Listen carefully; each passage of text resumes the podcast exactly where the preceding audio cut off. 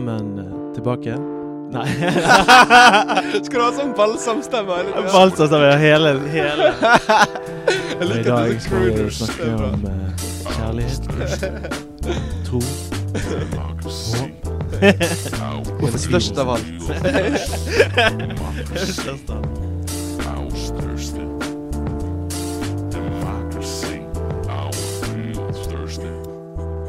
Velkommen tilbake til Politikk og røvere. Mitt navn er Lars Erik Berntsen, og med meg som alltid så har jeg eh, Jonas eh, Bergen Dreige.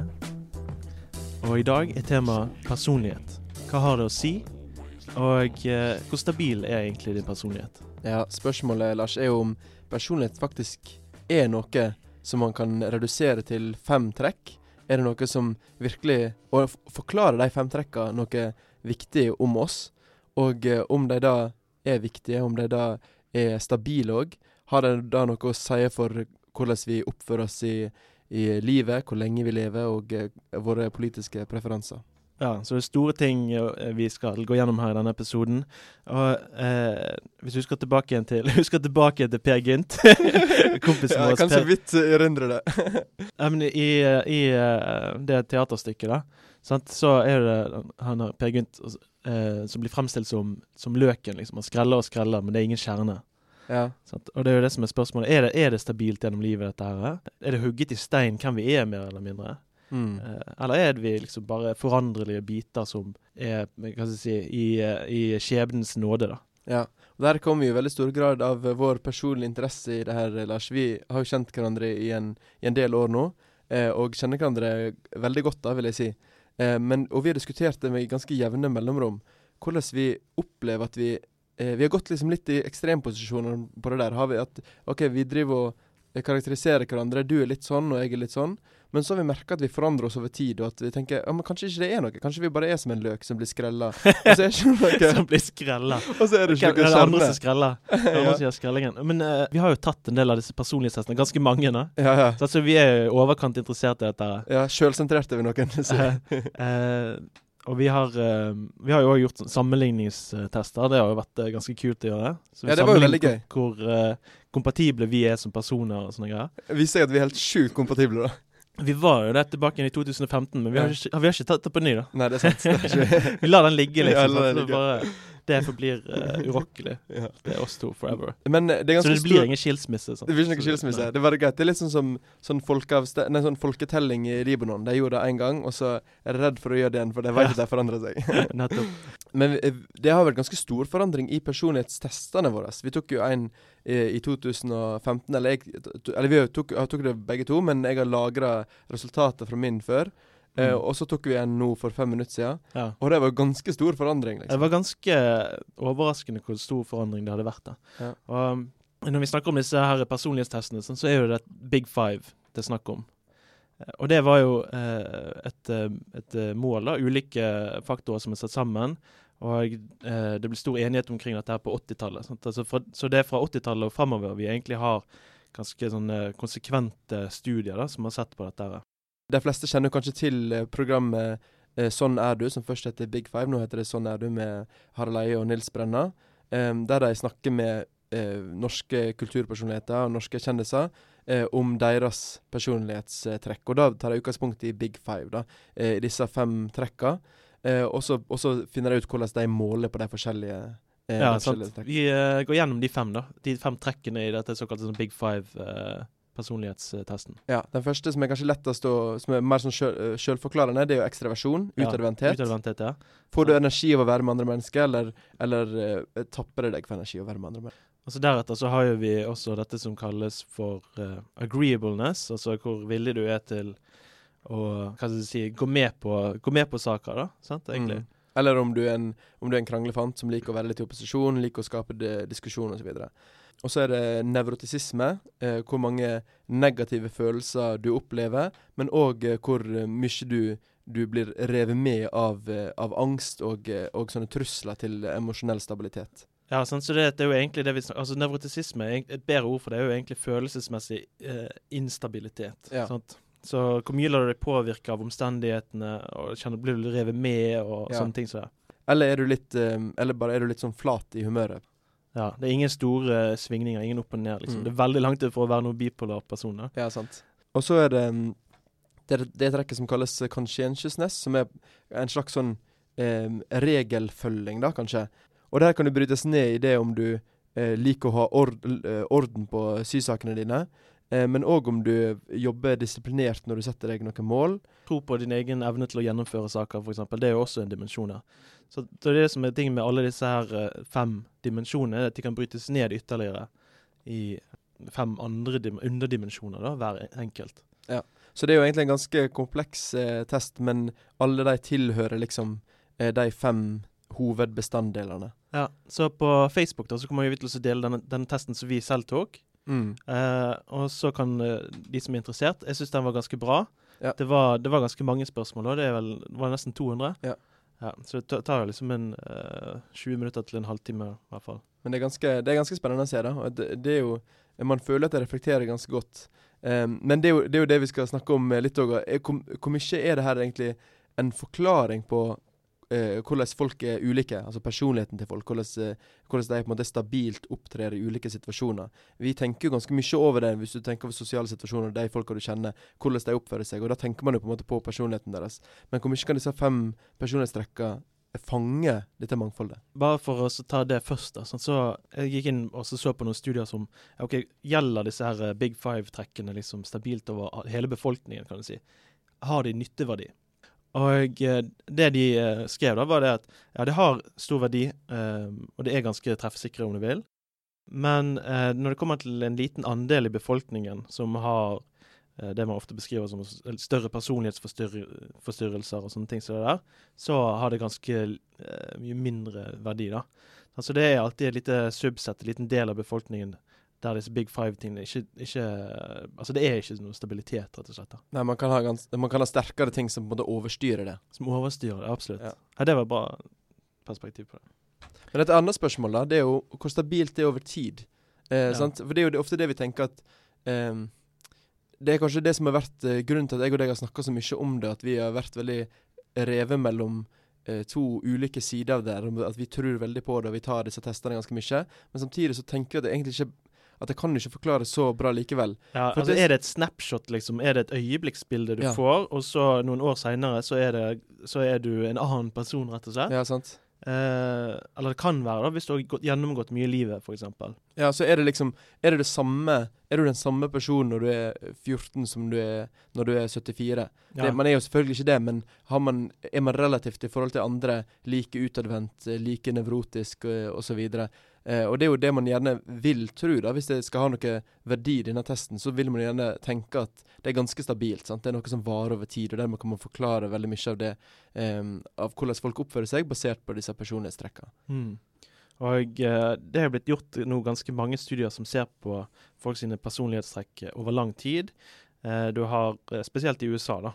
Så har det vært flere studier som har sett på det. Og eh, når jeg har sett på det over eh, 40 år, Mm. så har man funnet at det er ganske høy stabilitet. da.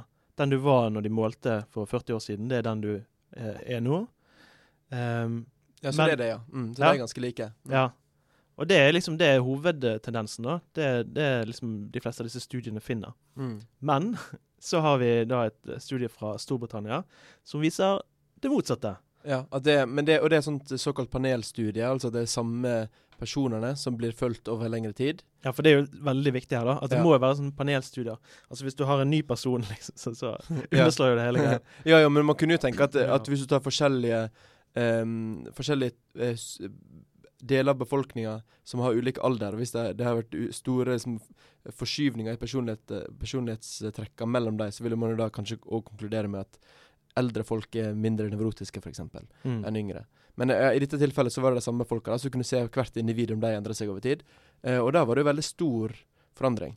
Så det så det er ikke, det er ikke noe sånn full vitenskapelig konsensus på det her, hvor uh, Altså fullstendig enighet på om det er stabilt over tid. Ja, altså det, det er viktig å påpeke at du har dette ene studiet som liksom rokker med uh, antakelsene, del av de funnene som alle de andre studiene har. Men, eh, og det de har gjort, er at de, har, de fulgte jo da noen fra de var 14 år til de var 74 år. Mens de andre studiene som har sett på eh, livsløpene til personer, og hvordan deres personlighet er, det har jo fulgt de fra gjerne de er eh, i voksen alder. sant? Mm. Mellom 20 og 30, eh, og så opp til de 60-årene. Og da er jo det funnet at det er ganske stabilt. Men det er jo òg veldig plausibelt det at uh, personligheten din er ganske foranderlig når du er i, i tenårene. Ja, det Og det er jo òg studier som viser det at eh, personligheten din er Altså det er stort eh, rom for endring da, fram til du er rundt eh, 30. Ja. Det er jo òg et ganske sånn gjennomgående funn, men så stabiliserer det seg i enda større grad. Um, og det dette nye, dette studiet fra Storbritannia viser, er jo det at ja, men kanskje det, det er igjen når du blir eh, gammel, at det, det endrer seg igjen. da. Mm. Ja, hvordan endrer det seg da generelt? da? Da blir man Altså, Det studiet fra eh, Storbritannia det viser jo ingen korrelasjon. Sant? Så det der, der er det all Det over går i alle, går alle retninger. Det går i alle retninger. Ja, det er veldig rart, egentlig. Sånn, Så sier det at du uh, er veldig uh, stabil, eller uh, såkalt pålitelig person. altså Ja. på, scorer høyt på conscientiousness. Ja. Så, at, så altså det har ingen betydning for hvordan du er seinere når du er gammel, liksom. Eller, Eller hvis du er, hvis du er liksom helt uh, stille og inneslutta uh, fram til du ja, så kan er du bli eh, 70. tidenes mest ekstroverte uh, er liksom- party-dude. Ja, du blir det på gamleheimen, liksom. på gamlehjemmen. Da slipper du endelig løs, da. ja. Men altså, jeg må jo si det at uh, akkurat dette studiet det synes vi skal ta med en klype salt, fordi at det er en dimensjon her, og det er det at mange av disse her Big Five-testene, det er jo sånn selvevaluering. Ja. Det er jo det som er det vanligste. Mm. Eh, Ja, så du rapporterer sjøl inn hva, hva, hvordan du tror du scorer, og så får du svaret tilbake på hvordan du scorer. ja, ja sant, så dette er jo no, det er noe greier der, da. Men det som er tingen er at hvis du har et sånt panel, og så kjører du det eh, mange år på rad? Ja, ja. så da kan jo du spore endringene i Ja. akkurat det samme, hvem, hvordan de selv ser på seg. Mens her her er dette i Storbritannia, så var jo det i, i begynnelsen så var jo det lærerne deres som evaluerte de, og seinere så var det de selv. Ja, så det, er- det er litt sånn målingsproblem da, akkurat med den, med den studien. Men Mm. eh, hvis vi holder oss litt til det der eh, det sjølevalueringsaspektet Det er jo noe som jeg Jeg liker jo veldig godt det Sånn er du-programmet eh, til Harald Eie og Nils Brenna. Eh, men det er noe som jeg alltid blir litt sånn Jeg synes det er, liksom, det er på en måte litt sånn komisk, litt sånn rart på en måte at de snakker om fasiten. For eksempel da, så spør de Ja, Liv Signe Navarsete, hvordan tror du at du scorer på nevrotisisme? Og så sier eh, Liv Signe Navarsete da sånn herre Jeg tror jeg er ganske stabil, altså. Og så sier Og så får hun svaret Ja, fasiten sier at du er ganske stabil. Men det er jo hun som har svart på alt sammen, liksom. Ja, sant? Det er jo du som selv sitter der og så krysser av. Så du har jo mulighet til å så hele tiden da eh, gjøre endringer. Så du, du skal jo liksom svare så ærlig som mulig. Sant? Ja. Eh, men man står jo fritt til å svare det man vil.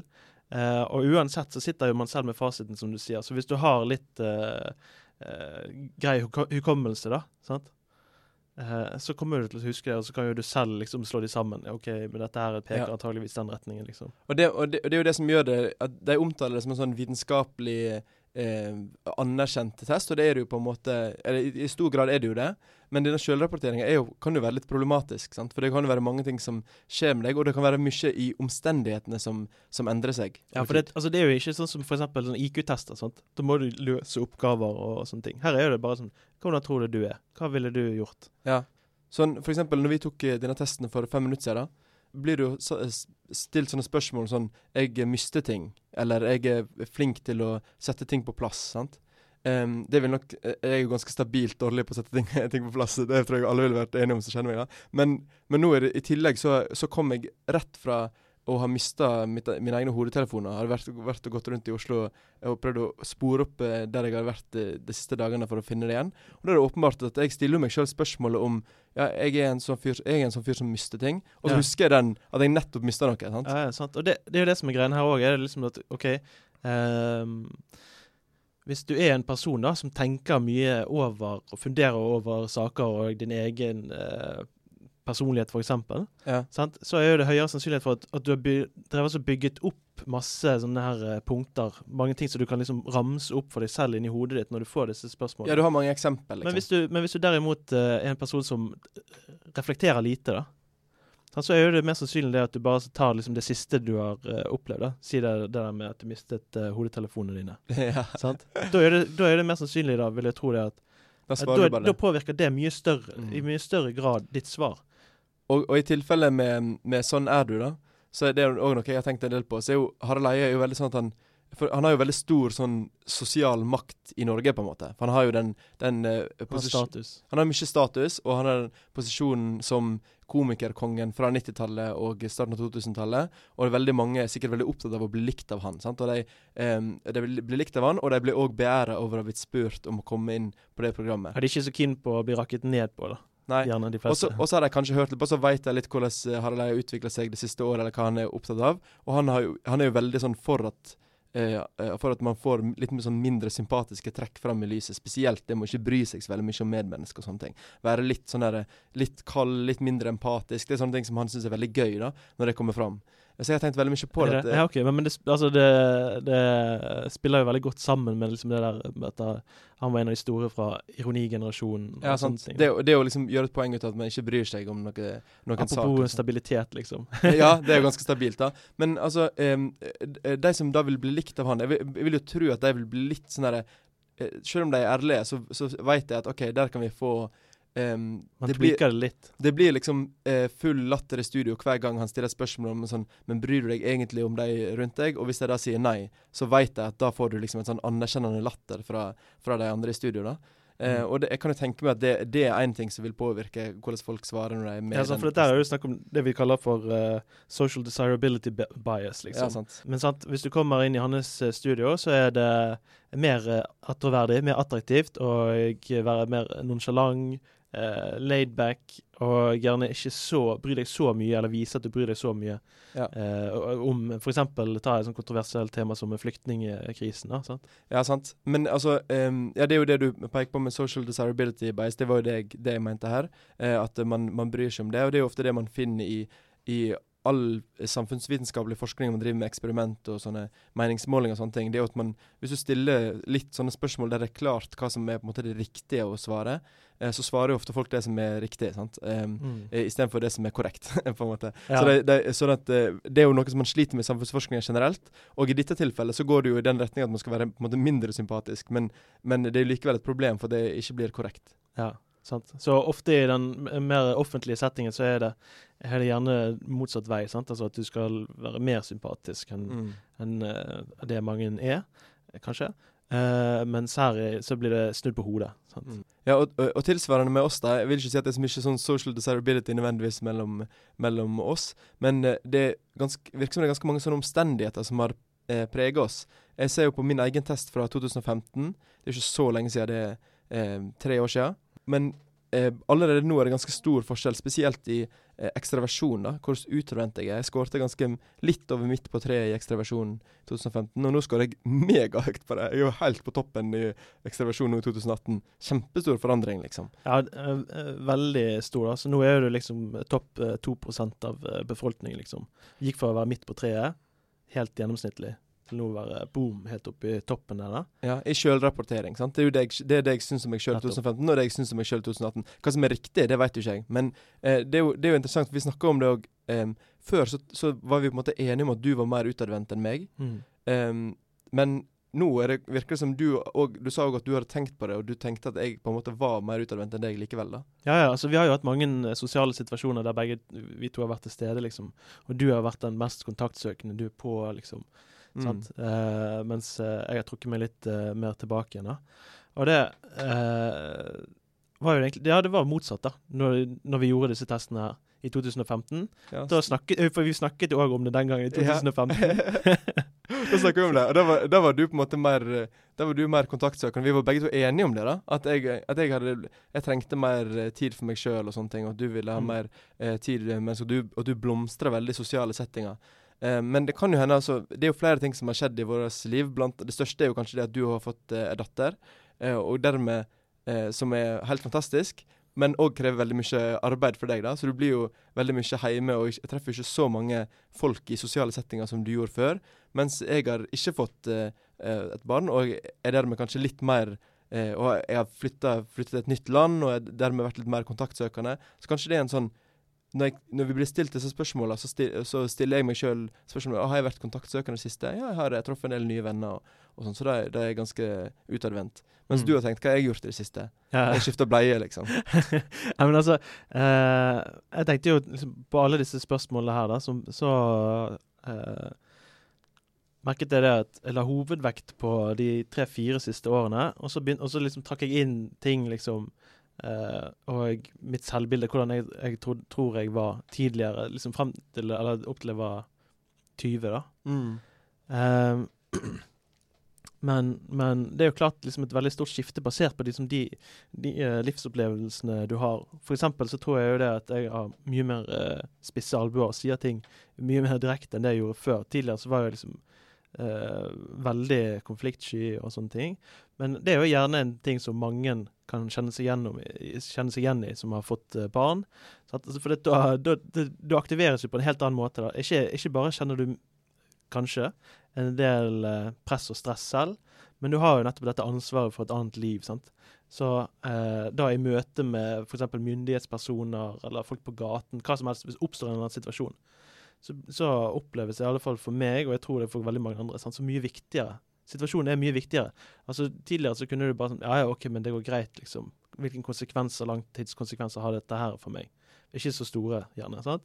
Ja. Um, så det handler jo egentlig om det at uh, livssituasjonen din blir endret. Og det, uh, når vi snakket om det, så uh, var vi vel mer eller mindre enige da, i at Ja. det har veldig mye å si, i hvert fall for vår uh, selvevaluering her. Altså omstendighetene, ja. Ja, det Ja, veldig mye. ja, du har vært veldig mye mer sånn aktiv på å snakke om, eh, om enkeltopplevelser du har hatt, og hvordan du har konfrontert deg i hverdagen. Mye mer nå enn før.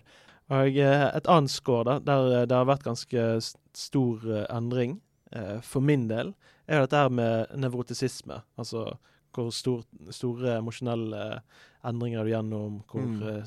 lett stresset blir du av situasjoner. Ja. Og det vil jo si det at For min del så har jeg gått gjennom mange, og det har jo du òg, men, men mange stressende situasjoner. Men, men eh, eh, det har gjort meg mer sikker på at, eh, at jeg håndterer, klarer å takle de situasjonene. Mm. Uh, så nå er jo min nevrotisismescore på 20% så det vil si at jeg er en blant de mindre nevrotiske i, i samfunnet. Jeg tror det er at uh, jeg egentlig skulle hatt litt høyere score på det. Ja, det er veldig spesielt. For gjennomsnitt, liksom. ja, jeg ville ikke satt Men, deg på sju. nei, sant? men, men, uh, men det er veldig stor endring der, da. Og det handler jo hele tiden igjennom. Og også på det der med hvor pliktoppfyll du er, som er en, en del av denne conscientiousness-dimensjonen. sant? Mm. Em, så jeg tenkte liksom, ok, men jeg satt med mål for tre år siden. Jeg har gjennomført alle de målene. Så at sånne ting så det påvirker jo i veldig stor grad din eh, selvforståelse. I alle fall min. Ja. Sant. ja, sånn at eh, Poenget her er da er at eh, omstendighetene har sannsynligvis ganske mye å si. Altså hva som har skjedd tidligere i livet ditt. Men da kan man jo òg si at eh, det reflekterer jo på en måte hvordan personligheten din er òg. Så det er det, det er jo kanskje riktig, da, hvis du bruker eksempel fra livet ditt. Men problemet er jo hvis du bruker eksempel som er veldig nylige, eller som ikke er representative. Sant? Du har vært i en ekstraordinær situasjon. Eh, du kommer ikke til å ha småbarn resten av livet, f.eks. Mm. Um, sånn at Vil min på en måte bra personlighet, eller min uh, selvopplevde personlighet, kan du si, uh, revertere tilbake igjen til sånn som jeg var før. Ja. eh, Du blir konfliktsky igjen så fort dattera di blir mer enn fem-seks år. sånn at, Uh, og det er jo en eh, Altså det er jo en viss mulighet for det, da. Sant? Altså at du Mm. uh, kan, Altså i, i vitenskapen så kaller vi det um, reversion to the mean, liksom. Ja. Sant? Altså at Eller regression har- to the mean. Hmm? Yeah. Ja. Regression to the mean, ja, takk. Ja. At du går tilbake til gjennomsnittet. Altså, Ja. du, du, har en, du har en middelverdi, og så er du kanskje litt opp og ned, og så, så Men så er det Hvis du har gjort Hvis du har vært veldig veldig konfliktsøkende en periode, da, så er det sannsynlig at du, at du begynner å gå tilbake til det som er, er gjennomsnittet. Jeg hadde jo en sånn um, en sånn tippestrategi jeg på fotball som var kun basert på regression to the mean. Eh, Funket det, eller? Nei, det funka veldig dårlig. For jeg, jeg, jeg skulle Det var den sesongen 2016-sesongen i Premier League da Leicester City gjorde det utrolig bra. Um, du husker kanskje den sesongen, eh, Lars? Så, så Veldig godt. Ja. eh, det var helt utrolig. Det var helt utrolig Den mest utrolige um, Premier League-sesongen. For da hadde du det laget som hadde så utrolig mye mindre penger enn alle, alle de andre. Eller ikke, ikke enn alle de andre, men de beste, antatt beste lagene. Og så gjennom så mange kamper så vant de likevel, da. Men de gjorde det veldig bra i starten av sesongen. Da tenkte jeg ehm, Det kommer ikke til å holde, det her. sant? Det her er jo regression to the mean. Så jeg drev og tippa aktivt imot Leicester i hver eneste Ja. kamp. Men så klarte jeg Tapte så det holdt. Ja, jeg tapte. tapte. Ja. ja. Så det er jo et problem. Altså det, er- det er hele tiden liksom denne tidsdimensjonen vi snakker om her. sant? Mm. For det at når vi snakker om både det der med altså endringer i tid i f.eks. du snakket om fotball. Ja. Eh, resultatene over tid.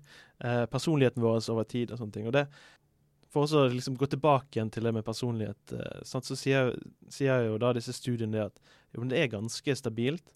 Eh, men våre egne erfaringer her da, indikerer at det er et visst eh, endringspotensial som jeg tror også i noen situasjoner, hvis du opplever veldig traumatiske situasjoner over lang tid, f.eks. Ja. Altså det er jo, altså jeg tenker at eh, det er veldig plausibelt da, at det medf kan medføre ganske store endringer i din eh, personlighet også, rett og slett over tid. Men det, det leder oss inn på et annet spørsmål også, som er ganske sånn fundamentalt. Er det sånn at du er født med en viss eh, personlighet? Er det her arvbart? Er det sånn at er det er sannsynlig at eh, foreldrene mine Hvis du setter sammen personligheten til foreldrene mine, da, så, så, blir så blir det ganske likt som mitt, på en måte. Eller hvis du tar på en måte gjennomsnittet av Hvis vi kunne tatt en sånn test på alle mine forfedre Ja, for Så- det, det, så det, ville det, det på du måtte ha vært- hatt inn, da, for det, at, eh, det er jo litt ulik eh, Altså hvor mye du arver fra ene forelderen Ja. kontra den andre. Og så har du liksom ja, Hvilken genetisk arv fra dine besteforeldre igjen kicker inn der? sant? Hvilke, Ja, det er jo, det er jo genotypen er annerledes enn det som nødvendigvis kommer fram Kommer til uttrykk i hos, eh, hos ja, eh, sant? Så den genetiske komponenten fra de ulike slektene kan være veldig ulike. da, til Ja. når det kommer til stykket. Ja, ok, men så, greit. Men spørsmålet okay. om er, det arvbart? sant? Det, my- Ja, ja. Er, kommer mye av det her fra genene, eller kommer det fra eh, eller, eller blir du påvirka av, um, av omstendighet når du, når du vokser opp? Eh, og som veldig mange andre ting, så er det vel sikkert en blanding um, av begge deler. ja. Den, altså det er jo, det er jo in interaksjoner, sant? og det er jo det man snakker om i det som kalles for epigenetikken. Ja. Altså det er et samspill mellom uh, arv og miljø, Uh, og uh, denne forskningen til Karen Stenner som vi har vært innom uh, et par episoder tidligere om dette her med autoritære personlighetstrekk. Sant? Der er jo hovedfokuset nettopp på det der at ok, men du, har, du kan ha predisposisjoner eh, i den ene eller andre retningen, men så eh, må det aktiveres. Det må aktiveres av ytre omstendigheter, da, ytre press. Ja. Sant? Så det er mange ting som kan komme til uttrykk, eh, men det kommer litt an på. Så du har en viss disposisjon. Det, du har en meny av ting som kan komme fram, da, eh, sånn rent genetisk. Mm. Men så spørs det hva som blir framprovosert av det som skjer i, eh, i virkeligheten når du opplever det. Ja, nettopp. Og når vi kommer inn på politikkens eh, verden, vi skal ta oss tilbake igjen dit, så eh, viser jo dette at, det er jo ganske klar sammenheng mellom en del personlighetstrekk og eh, politiske valg. da. Ja, så det er spesielt eh, tre dimensjoner da, i denne femfaktormodellen, altså de fem personlighetsdimensjonene, som eh, du kan fortelle meg, og jeg da kan fortelle deg hvor du scorer politisk. Ja, Er du til høyre eller venstre side? er du på høyre eller venstre side? Nettopp. Mm. Ja, sant? Og de tre, det er jo da dette her med planmessighet, eller det vi, vi har jo brukt engelsk ord hele tiden, conscientiousness. Ja, Planmessighet er det. Ja, sant? Så det, conscientiousness er jo direkte oversatt til samvittighetsfullhet, men du har jo protestert på det, du som scorer litt lavere på det. Du har jo protestert på at det skal kalles for samvittighetsfullhet. Ja. Fordi at man kan følge sitt eget indre kompass og ikke bry seg så veldig mye om eh, hvilke regler som er blitt nedsatt i samfunnet til den og den tiden, liksom. Ja, for jeg og deg, eh, Lars, vi har jo snakket om det her tidligere når vi har tatt disse um, autoritære scorene. Der var jeg veldig oppesen og veldig fornøyd for at jeg, jeg var mindre autoritær enn deg, da. Ja, du skåtte jo liksom, du var, du var null, liksom. Ja, men eh, dessverre, nå, nå får jeg se baksiden av den medaljen, at jeg scorer veldig lav på sånn eh, moral og regelbundenhet og sånn. Eh, fordi at jeg, jeg føler at jeg er blitt lurt. Da. Jeg vil jo si at jeg har veldig, jeg har veldig sånn sterk sånn samvittighets... Eh, et, liksom trang til å ha god samvittighet. Eller, Men du er villig til å bryte regler som Ja. du mener at eh, ikke er legitime, Ja. eller som eh, Ja. jeg, jeg misliker veldig å følge regler for regelens eh, skyld, liksom. ja. Mens det gjør jo jeg ganske ofte. For eksempel hvis jeg skal krysse gaten og sånne ting. Ja. Så står jo jeg Jeg har, blitt, jeg, jeg har endret meg litt etter vi bodde i Italia, Ja. men eh, jeg har alltid før liksom har stått og ventet og liksom merker det at jeg hisser meg litt opp på folk som bare går over uansett. Og når jeg kom til Oslo, sånn, så var det liksom sånn Dette her er Ville Vesten. Liksom, folk kjører og, eh, på rødt Ja. lys og liksom går over. Jeg bare ai, ai, ai. Jeg er jo en av de som er Jeg er jo jaywalker de luxe, liksom. ja, ja, sant? Jeg går mer på rødt lys enn grønt lys. Men det sier jo ganske mye om eh, meg kontra deg. da. Altså, at liksom det at det trigger meg, om du vil. Ja. Sant? Eh, Ja, ok, fordi så- at rett der og da så er jo det liksom ulogisk. Hvis det ikke er noe fare, liksom, så OK, hvorfor ikke krysse? Mm. At, Mens jeg, i mitt hode så har jeg hele tiden den der med Men hvis man først begynner å gjøre det, så lager man liksom den der enorm, da. Der plutselig så kollapser hele, hele byggverket, hele Ja, systemet. Ja, folk som sk- scorer høyt på planmessighet, de tenker vel mye mer på sånn slippery slope-aktig. argum- Eller slippery slope-aktig. Så de er redd for at eh, Og det er jo det at hvis du først tillater én ting i én retning, så kommer alt bare til å rakne. Sant? Så det, er veldig, veldig, det er veldig viktig for at ah, hele strukturen bevares. Så det er jo sånn Jeg skal ikke legge meninger i, i, i, i din munn, på en måte, men eh, eh, homofilt ekteskap har jo ofte blitt eh, eh, omtalt på den måten, liksom. At hvis du, hvis du tillater eh, ja, ja, jo, hvis du har tillater ekteskap mellom to menn, hva er det neste? Er det mellom dyr og mennesker? Det er jo, det er jo Ja, ja, mange sånne absurde argument. sant? Pedofili. pedofili, sant? Så da plutselig er det sånn slippery slope. Sånn der, Oi, hvis vi skal bryte opp i én regel, at det skal være mellom mann og kvinne, da plutselig er det vill vest. sant? Da er det, Ja, da, da er det frislipp. Ja. Um, og så er det folk som scorer veldig høyt på det, da, de er jo kanskje veldig redd for at sånne ting skal endres, liksom. For jeg tror at det, da, da blir det helt kaos. Ja, ja sant? så det er jo tanken om at det blir sånn dominoeffekt. Mm. Ja. Og um, Uh, Men vi snakker om hvordan det henger sammen med politiske eh, holdninger. Ja, men det, det- altså, nå har jo vi Altså, det ligger jo ganske i kortene her. da. Ja, det er Så, at jeg tror, så at hvis du scorer høyt på, på planmessighet og samvittighetsfullhet, eh, så eh, er det ganske høy sannsynlighet for, for at du stemmer på partiet på høyresiden. Men hvis du derimot scorer høyt på det som kalles for eh, åpenhet, sant, for nye inntrykk og sånne ting, da er det mye større sannsynlighet for at du, du stemmer på venstresiden. Og det her stemmer jo veldig godt når vi ser på noen av de, studiene som har blitt gjort. Eh, annet vår venn og kollega James Dennison ved Det europeiske universitetsinstituttet. Han har jo sett på det her i, i det britiske valget og ser at eh, de som stemmer på eh, Det grønne partiet i Storbritannia, de skårer lavere på planmessighet, og de skårer høyere på åpenhet. Ja, mye høyere. Mm. Sant? Eh, og det samme har du liksom inndelingen mellom eh, de konservative og Labour, altså Arbeiderpartiet. Sant? Mm. Eh, og uh, ja eh, Jeg vet ikke selv om noen studier som har sett på det, akkurat det der i Norge. Det er sikkert, det, er sikkert, det finnes sikkert, da. Tror ikke du det? Ja, ja, det Så, men men uh, jeg tenker at det har ganske stor uh, ekstern gyldighet. da. Jeg vil tro at du finner ganske likt mønster i Norge. Ja, det var tilsvarende. Det er et annet studie fra, som har sett på det her mellom ulike land. Um, så da har de ikke sett på um, Norge, men jeg har sett på USA og, og Nederland i tillegg, i alle fall. Og da, og da var det ganske likt som det. at uh, Skårer du um, høyt på planmessighet, så er du generelt litt mer konservativ. Um, Skårer du høyt på åpenhet, så er du ofte litt mer eh, på venstresida, da. Ja. Eh, I alle fall overfor sånne, sånne tra tradisjoner og, og regler og sånne ting. Ja. Men eh, hva hvis du skårer høyt på både åpenhet, sant, som gjør det at du er mer disponert på, for de liberale fra venstresiden, og planmessighet, som gjør deg disponert for å stemme på folk på høyresiden? Du spør for en venn, eller, Lars? Jeg spør for en venn. ja, for det er jo tilfellet med deg. Du skårer jo ganske høyt på både eh, planmessighet og på åpenhet. Ja, sant, så jeg skåret jo høyere på, på åpenhet, og da er jo da, både meg og deg skårer jo veldig høyt på det. Mm. Sånn, så vi er jo eh, blant de øverste prosentene i befolkningen da. Og det er jo ganske vanlig sannsynligvis for de som velger sånne yrker som, som våre, der du, du blir veldig sånn fanga i ideer. Tenk, klarer ikke helt å komme videre fra liksom det å grave dypere ned i, i sånne eh, eksistensielle eller filosofiske spørsmål. Det er ofte sånne folk som ender opp på, på samfunnsvitenskapelige eh, fakultet eller, eller humaniora, liksom. Det er jo de som stiller sånne Hvor åpen er du for nye tanker, nye ideer, nye impulser? Sant? Det er jo hele denne greien der. Ja. Hva, hva er ditt syn på kunst, eh, litteratur, filosofi? Altså hvis du, hvis du sluker alt sånne ting, så, der, sant? så scorer du veldig høyt på åpenhet. da. Ja. Eh, men ja, sant? Så, så de, i hvert fall for meg, da, sant? de går jo liksom i motstridende retning. Og det er jo også kjent på liksom, i politiske preferanser og valg. Sant? Eh, vi hørte jo litt tidligere på, på den her 'Sånn er du' med Harald Eia, så intervjuet han, eh, han eh, Seltzer. Ja. Og Harald Eia beskrev eh, Thomas Seltzer da, som eh, en kompleks person. Ja, han, han, han, snakker ofte om det som det er komplekst, så fort det er vanskelig å kategorisere som, som en veldig sånn ensretta type. Ja, sant? For det er jo det det, det det egentlig betyr. da. Så Hvis du er en såkalt kompleks person, så har jo du gjerne noen personlighetstrekk og preferanser som går i motsatt retning. Mm. Og så blir du hele tiden dratt mellom de to motpolene. Og det har jo da antageligvis uh, uh, mye større påvirkning på meg enn på deg. Altså det er mindre sånn dissonans da, Ja. for din del. Ja, vi er, vi er Du er mer samkjørt, liksom. Vi har vel ganske mye dissonans i våre politiske preferanser allerede. Vi er, vi er ikke sånn veldig lojale mot uh, noe parti eller har veldig klare meninger, men du kjenner kanskje litt mer på at uh, det kan sprette i veldig ulike retninger. At du ikke helt klarer å finne ett parti for deg, fordi at du har en litt sånn uh, uvanlig sammensetning av personlighetstyper. Mm. Og studier som har sett på det, de viser jo det at åpenhet det det overkjører da, planmessighet til en viss grad. Og det stemmer ganske godt for min del òg, liksom.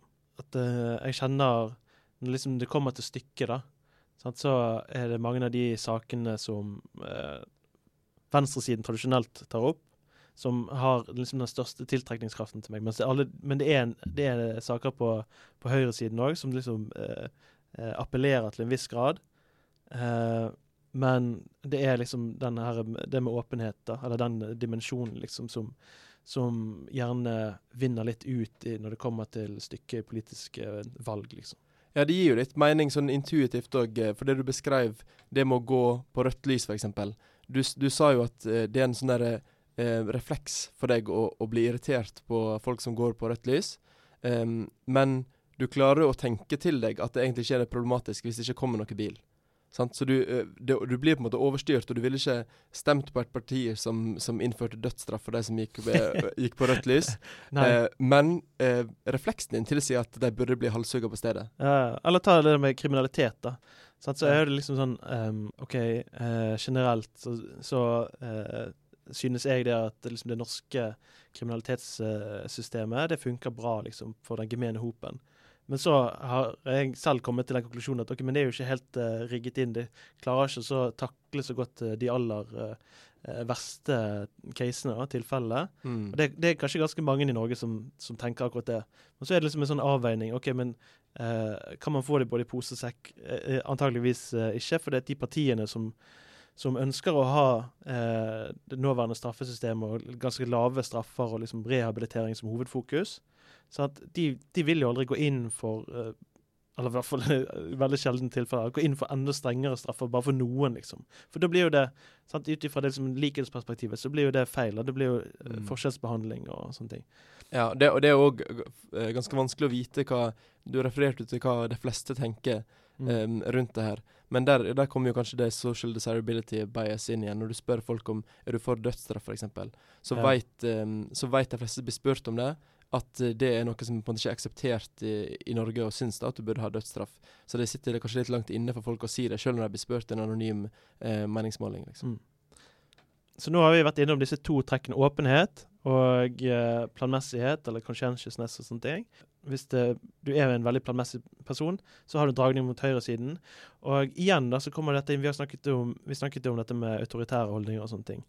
Autoritære holdninger kan også forklares til en viss grad av det med sånn planmessighet og sånne ting.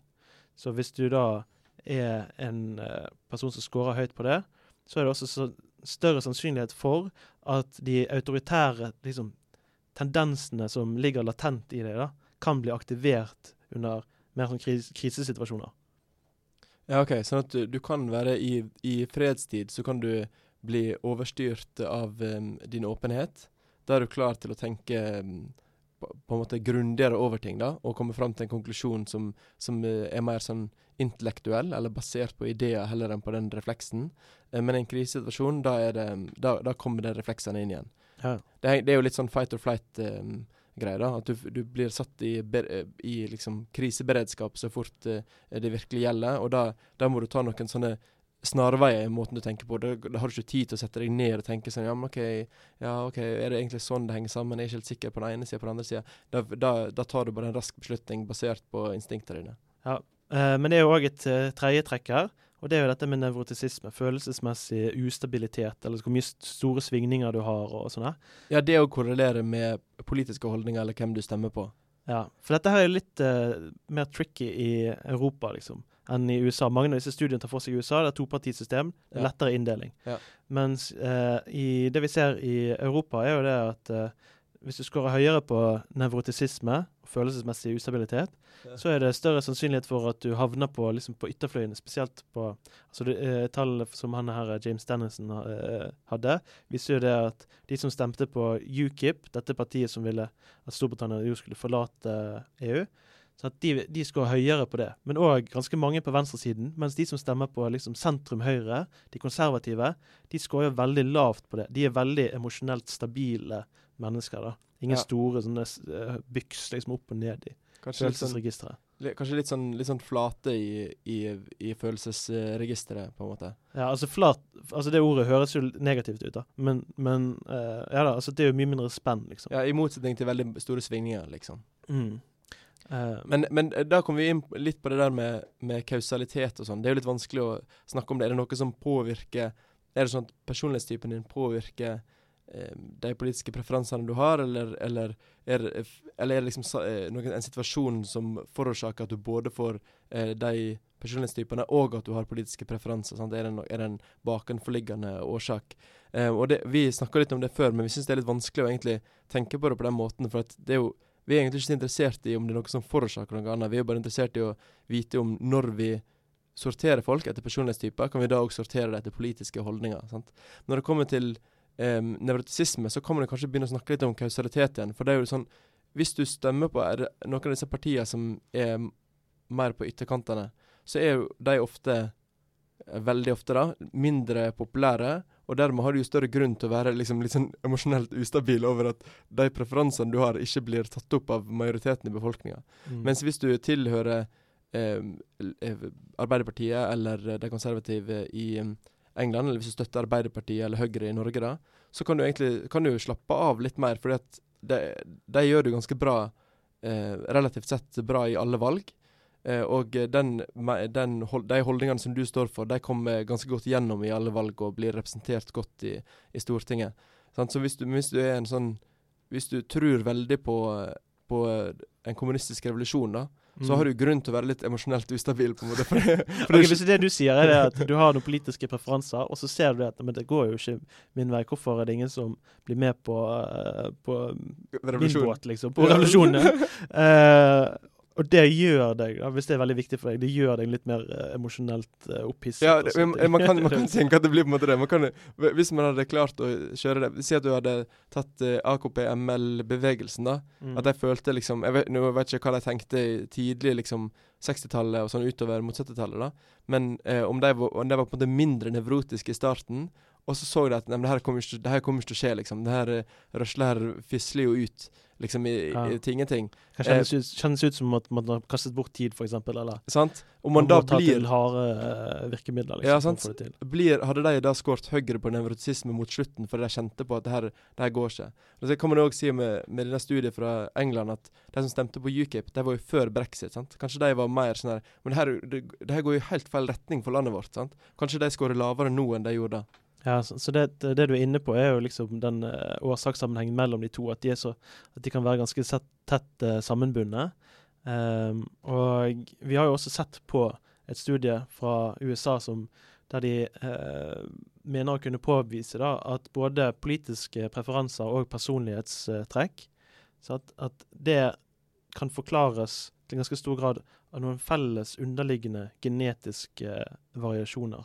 Så de kommer liksom fra samme kilde, om du vil. da. Så det vil jo si det at da er det veldig naturlig at du får en sånn korrelasjon, altså sammenheng, men, men at det ikke er den ene nødvendigvis alltid som påvirker den andre. Ja, så I det tilfellet da, så er det det at du er født som en ganske emosjonelt ustabil person, og det gjør at du òg søker litt sånn derre emosjonelt ustabile Eller ustabile politiske alternativ. At det er på en måte det som forklarer det. da. Em, det, må, det må jo på en måte være det at det er en underliggende em, personlighetstype som gjør at uh, de som har den, de Mm. søker seg mer til, um, til visse typer parti. Mm. Man kunne jo sjekke det her med, med Frp, det er, ganske, det er jo mer nylig. Eh, endring i asylpolitikken, eh, og at Frp kom, kom inn i regjeringsposisjon. Kanskje det endrer seg. På hvilken måte mener du nå? Nei, men at Om de var mer nevrotiske, altså gå imot det der genetiske forklaringa, da. At, Ja, okay. at det, flere Frp-velgere, hvis vi antar At de er blitt mindre nevrotisk? Ja, fordi at nå er de de ble, de ble trygge, trygge liksom på at Listhaug ordner biffen etter, eh, etter hun kom eh, inn i regjering. Eh, mens før det så var de veldig urolige over hva den, eh, den rød-grønne regjeringa gjorde med landet. Men du er jo inne på noe veldig viktig her, da, som jeg tenker at eh, Jeg tror jo egentlig at det er ganske få mennesker som lar seg påvirke så enormt mye av den politiske situasjonen i hverdagen sin. Ja, altså Du vil finne et lite, liten andel i befolkningen Sant? Der det, jeg tror sikkert Ja, det har en effekt, liksom. Det alltid bryr seg om og alltid tenker på og snakker om. Eh, men i de fleste livssituasjoner så er ikke det sånn. Og så har du noen unntak, f.eks. hvis det blir krig. sant? Eller eh, hvis det hele systemet står i fare for å kollapse. Og det er jo det de snakker om med brexit. sant? Så er det liksom skikkelig panikkstemning der nå. Mm. Eh, og i USA med, med Trump òg, så er det liksom på venstresiden. Det er panikk. sant? Altså, Ja. Oi, oi, oi, liksom demokratiet Forvitre. ja, forvitre det. Sant? Og da kan jo du tenke deg at ok, men da er det mye tettere eh, kobling mellom de to tingene. Da kan den politiske realiteten i mye større grad påvirke eh, personligheten din. Ja, det, det en, høres ut som en ganske god hypotese. OK, sweet. Takk for eh, støtten. Eh, det var jo én lille siste ting. da, For vi har jo snakket om Nå har vi snakket om politiske preferanser og sånne ting. sant? Eh, men eh, vi har jo også vært innom dette her med eh, livsløp, hvor, godt- hvor lenge du lever, hvor godt du trives. Ja. Og liksom hvor mye du trives i å bo i en by, f.eks. Eller ulike faktorer som det ja, om du, by- om du trives best i by eller på landet, da? Ja. Og eh, det studien viser er jo det at eh, altså de som scorer høyt på åpenhet, eh, trives jo bedre i bysettinger. Sant? Og det eh, sier jo litt seg selv, da. For det, altså, der er det masse nye inntrykk, det er mange mennesker, det er mye tettere. Ja, du setter stø større pris på det, du, det tilbudet du har av nye impulser. Men spørsmålet da er jo liksom Men er det sånn det at eh, byene har en eh, såkalt, som vi sier på engelsk, en sånn eh, pull-faktor, liksom? Så det tiltrekkes personer med en, åp, med en åpen personlighet til byene. Forlater de landsbygden for det, liksom. Ja, man kan jo si det om meg og deg, da. Vi begge to vokste opp iallfall delvis i, i mindre steder, Knarvik og Førde. Eh, og eh, vi har jo begge to søkt mot større steder etterpå. Kan, hvis vi hadde skåret lavere på åpenhet, så hadde vi kanskje ikke vært så opptatt av det. i utgangspunktet. Ja, sant? Så eh, du kan jo se for deg da over, over lang tid, så får du Hvis, hvis det stemmer, da. Nå vi, nå har, akkurat det så har ikke vi så uh, veldig solide studier på, liksom. Ja. Men hvis det er sånn at det stemmer at de med en åpen personlighetstype trekkes mot byene, Mm. sant? og dette her er da eh, delvis genetisk eh, eh, nedarvet, så vil du da få en sortering, personlighetstypesortering over generasjoner. da, så liksom at de, de som er igjen på bygdene, det er de mer eh, eh, trauste, konservative typene, liksom. Reelt sett, altså personligheten deres dikterer det, liksom. Genene dikterer det. Ja, men jeg lurer på om det motsatt i byene, da. Men jeg lurer på om det er litt sånn forskjellig Altså, i, akkurat i Norge så virker det som det vanligste liksom, argumentet for å bo i eh, utkantstrøk, da, eller noe som jeg hører veldig ofte som blir på en måte veldig, veldig verdsatt i utkantstrøk, det er jo det at du er nærmere naturen. sant? Og det er jo en, er en subkomponent, altså en mindre komponent innenfor åpenhet. Ja, Eh, det, det at du setter pris på natur. Eh, og i, i, i Sogn og Fjordane, f.eks., der jeg er fra, der er jo det veldig viktig for de som har flytta tilbake dit. Sånn, jeg har lyst til å være nær naturen, jeg har lyst til å være nær sånne, sånne fantastiske opplevelser. Og de legger ut veldig mye av det på Instagram. og sånn, at det, det, det her liksom, åh, det er så fint å være ute og gå på topptur osv. Så, videre. Ja. så det, det må jo være folk som setter mer pris på eh, Er mer åpne for den slags type impulser, og dermed flytte tilbake igjen. Så det er jo det er kanskje en Kanskje det er finere skille, da. At det er de som Mm. setter større pris på kunstinntrykk, musikkinntrykk, eh, åpenhet, og de som har større åpenhet for ideer, de trives best i byene. Mens de som eh, har- større åpenhet for eh, naturopplevelser, de trives best eh, på landet. Kan det Mm. være noe sånt? Ja. Jo da. Nei, gode poeng. Jeg, jeg tenker det at uh, um, kanskje det med personlighetstypen, altså det med conscientiousness og den typen greier der, og score lavt på åpenhet, uh, kan være en forklaringsfaktor for de som blir igjen i eh, landbruket. Altså det har jo vært utrolig mange gårder eh, som har blitt eh, eh, lagt ned, da. Sant? Eh, men hvem er det liksom den gruppen som blir igjen?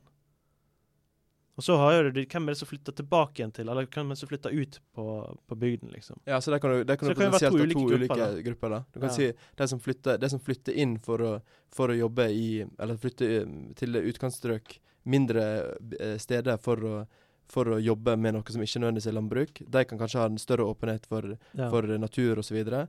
Mens de som er født og oppvokst og blir der, har kanskje større eh, behov for at det skal fortsette med tradisjonen, skal fortsette med å opprettholde den strukturen som har blitt starta ved en familiegård eller noe sånt. Ja.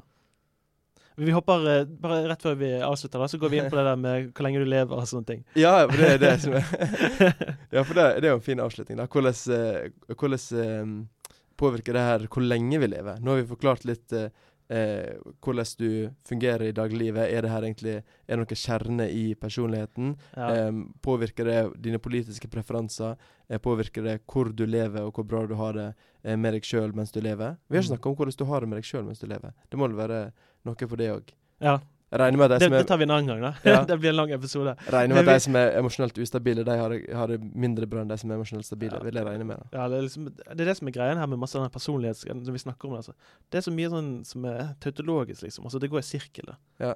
Altså, det er liksom Ja, Ja, det, det, det det, er litt tricky, liksom. ja, det er derfor vi er litt sånn ambivalente når vi hører på den der 'sånn er du òg'. At det er jo delvis det at det, at det er sjølrapportering. At Ja. eh, du spør på en måte 'Hvordan tror du at du er, Liv Signe Navarsete?' Og så skal vi fortelle deg fasiten om hvordan du er, basert på det du har sagt i en annen, i en, i en, en annen form for det samme spørsmålet. Ja, sant? Og så er det liksom den der greien med uh, Ja, ehm, hvor uh, deprimert er du, eller hvor eh, liksom, hvor mye grubler du?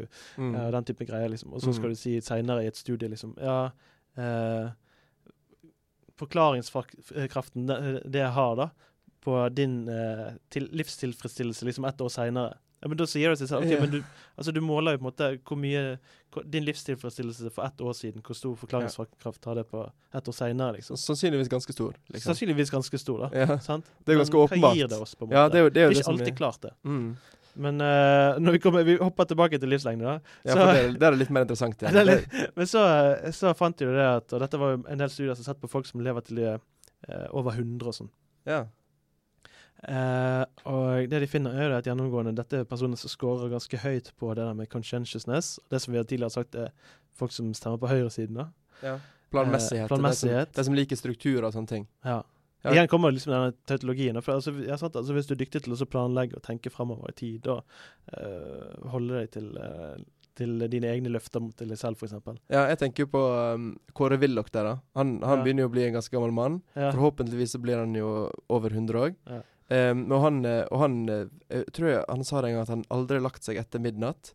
Uh, og han har aldri drukket kaffe etter klokka to Ja, på formiddagen. Veldig, Jeg tror han var veldig planmessig, da. Veldig Ja. sånn her eh, Eller han er veldig planmessig. greia, men du kan, du kan jo være planmessig og liksom kjøre på med drikking, for eksempel. Sant? Jeg tar alltid to glass vin om dagen. Ja, men jeg, jeg regner med at de fleste som er veldig planmessige, de er òg planmessige i en, i en litt sånn forsiktig retning. Det, det er kanskje bare en antakelse jeg gjør, da. Ja, jeg, tror- jeg tror ikke det er gitt. da. Nei, okay. Men i hvert fall um, For vi har, jo- vi har snakket om det tidligere i en episode om ehm, hva er, altså det som kalles for the blue zone. liksom. Hva er det som gjør at du lever lenge, og sånne ting. Ja, det var en av vi så vidt eh, innom dette med personlighet òg, men det var mye mer på kosthold og sånne ting. Ja, derfor prøvde å finne Og politisk system. Ja, nettopp, ja. Hvordan det påvirker det. Mm. Mm. Men i hvert fall, da. Og, der, der var det liksom OK, men mange av de drikker jo ganske mye. Men, men, men uh, Så dette, det var det med uh, planmessighet og eh, nevrotisisme. Hvor emosjonelt ustabil er du, liksom? Hvor, mye, hvor store byks opp og ned i glede og ulykke har du? Så det si, eh, og det, det gir jo òg mening. Sant? Så man er jo pakket til dette med OK, men det er liksom, litt sånn selvforklarende, på en måte. da. Ja, altså det at du Jeg regner med at det går i den retning at hvis du er mer emosjonelt ustabil, så lever du kortere. Ja, Et kort og dramatisk liv, Et kort, dramatisk, intenst, så kanskje du egentlig på noen måte lever lenger. da. Så, Ja. så du har, I det korte liksom, døgnfluelivet ditt så har du liksom alt mulig slags uh, opplevelser og ekstase og liksom langt nede. Ja. sånn her. Ja, så ut ifra det her, da, Lars, da- da skal jo du leve um, lenger enn meg. For du er jo både Ifølge testen da, så er du veldig lite nevrotisk. Jeg, jeg, ja, jeg er ikke helt med på den. Jeg tror du er litt mer nevrotisk enn det. Men du er sannsynligvis mindre nev- nevrotisk enn meg, da. Mm. Um, og du er ganske sånn planmessig. ja, sant? Så det at eh, på noen dimensjoner da, så skal jo det indikere det at jeg kommer til å leve lenger enn deg. Ja. Sånn statistisk og altså, sannsynlighetsmessig. Ja. uh, men så er det andre altså Vi har jo mange av disse underdimensjonene, f.eks. på ekstraversjon. Sant? Så har du og meg og deg vi skårer jo begge to veldig høyt på det. Men det er jo mange underdimensjoner her. Og det er to stykker da, der jeg skiller meg veldig ut fra deg. Og det ene er på aktivitetsnivå. Liksom. Og det, du foretrekker jo da et veldig høyt aktivitetsnivå, mens jeg scorer jo veldig lavt. da. Ja, du er ganske Ja, du, er like, du har litt mer sånn sedat uh, Jeg er veldig laidback-type på akkurat det. sant? Og på det der med spenningssøking. Jeg scorer jo veldig lavt på det. da. Så, at, uh, så eh, Ja, men- men- mye lavere liksom, gjennomsnittet i befolkningen på, disse, på de to tingene der. Selv om på alle de andre så skårer jeg veldig høyt.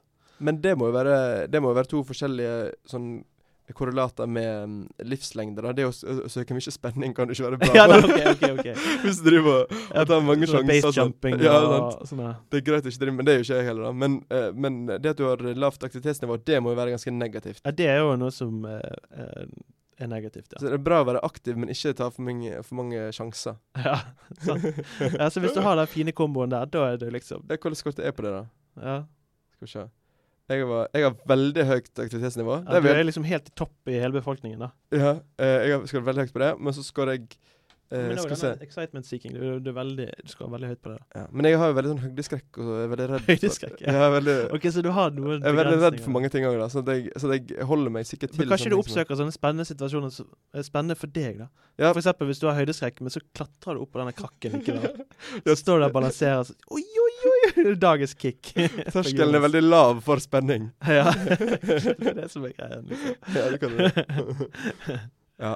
Men uansett, la oss, la oss håpe Nå kan jeg si det litt, for at det, det ser ikke så bra ut for meg og min livslengde ut ifra det her, men i alle disse, alle disse eh, faktorene her, hva det forklarer på en måte personlighetstrekka, det har jo kommet litt fram gjennom det vi har snakka om nå òg, så det forklarer jo ikke all variasjon. Det er jo ikke sånn at det her er den eneste forklaringen på hvordan eh, folk stemmer, hvor lenge de lever, hvor fornøyde, hvor de bor osv. Det er jo veldig mange andre faktorer som spiller inn òg, åpenbart.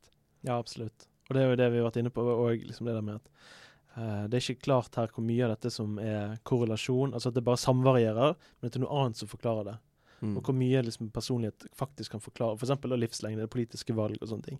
Det er liksom ikke, det er ikke helt uh, klart, det ennå. Men det er jo, det er jo liksom som samfunnsvitenskapen generelt. Ja, det, altså, det er jo et er veldig- gjennomgående problem. Ja, det er veldig problem, eller noe som er interessant. Er det, er jo, det er veldig lite som er helt klart, men det er òg veldig lite som kan forklares av én en enkelt ting. Sant? Det er veldig lite, Vi finner ikke lovmessigheter som ikke for ting er komplekse på den måten at det er veldig mange faktorer som spiller inn, eh, og som kan potensielt spille inn på ulike utfall. Ja. Hvem du stemmer på, hvor lenge du lever osv. Det er vanskelig å finne et enkelt svar. Og Det er kanskje noe av grunnen til at eh, folk som eh, oss, da, som scorer veldig høyt på åpenhet, eh, som liker å dvele veldig lenge ved ideer og sånne ting.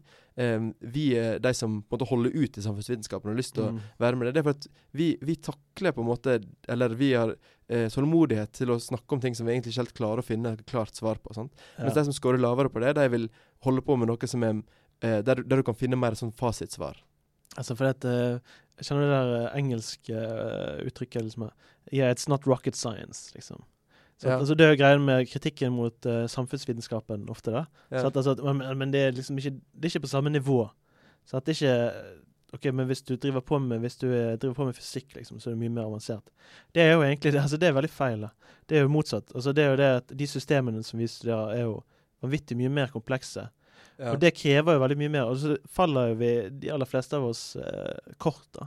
Ja, det er jo det. det, er det som er tingen. Det, er jo det som er tingen. Okay, men så det vi studerer, er jo, er jo mer komplekst. Men det vi har fått til, er jo mye mindre komplekst enn det, det rocket scien- scientists Det er ikke nødvendigvis mindre komplekst i den forstand, men altså at eh, ja, mindre synlige, fruktbare resultater. da. Det jo- Har du forresten sett den der um, sketsjen fra den der uh, Web and um, Det var de som hadde lagd Peepshow før, som, uh, som har en sånn det sketsj der? Ja, det er, sånn, det er en sånn um, sånn uh, middagsselskap, da. Der en sånn skikkelig sånn blærete fyr kommer inn Mm. og spør alle Ja, hva er det du driver med, liksom. Uh, og han snakker bare om at han er brain surgeon hele tida. Han er brain surgeon, liksom. Um, og så og så spør om hva de driver med, og de sier ja, jeg jobber, på, jobber som sosionom. da Og så han bare Å, det er jo veldig bra å liksom eh, gjøre det, men det er jo ikke brain surgery. så, sånn, er, han kjører det på alle. Og så kommer han ene inn, uh, og liksom sånn Ja, jeg beklager, jeg var litt seint ute. Vi, vi, drev, vi var helt uh, satt fast på den der rakettstasjonen, liksom.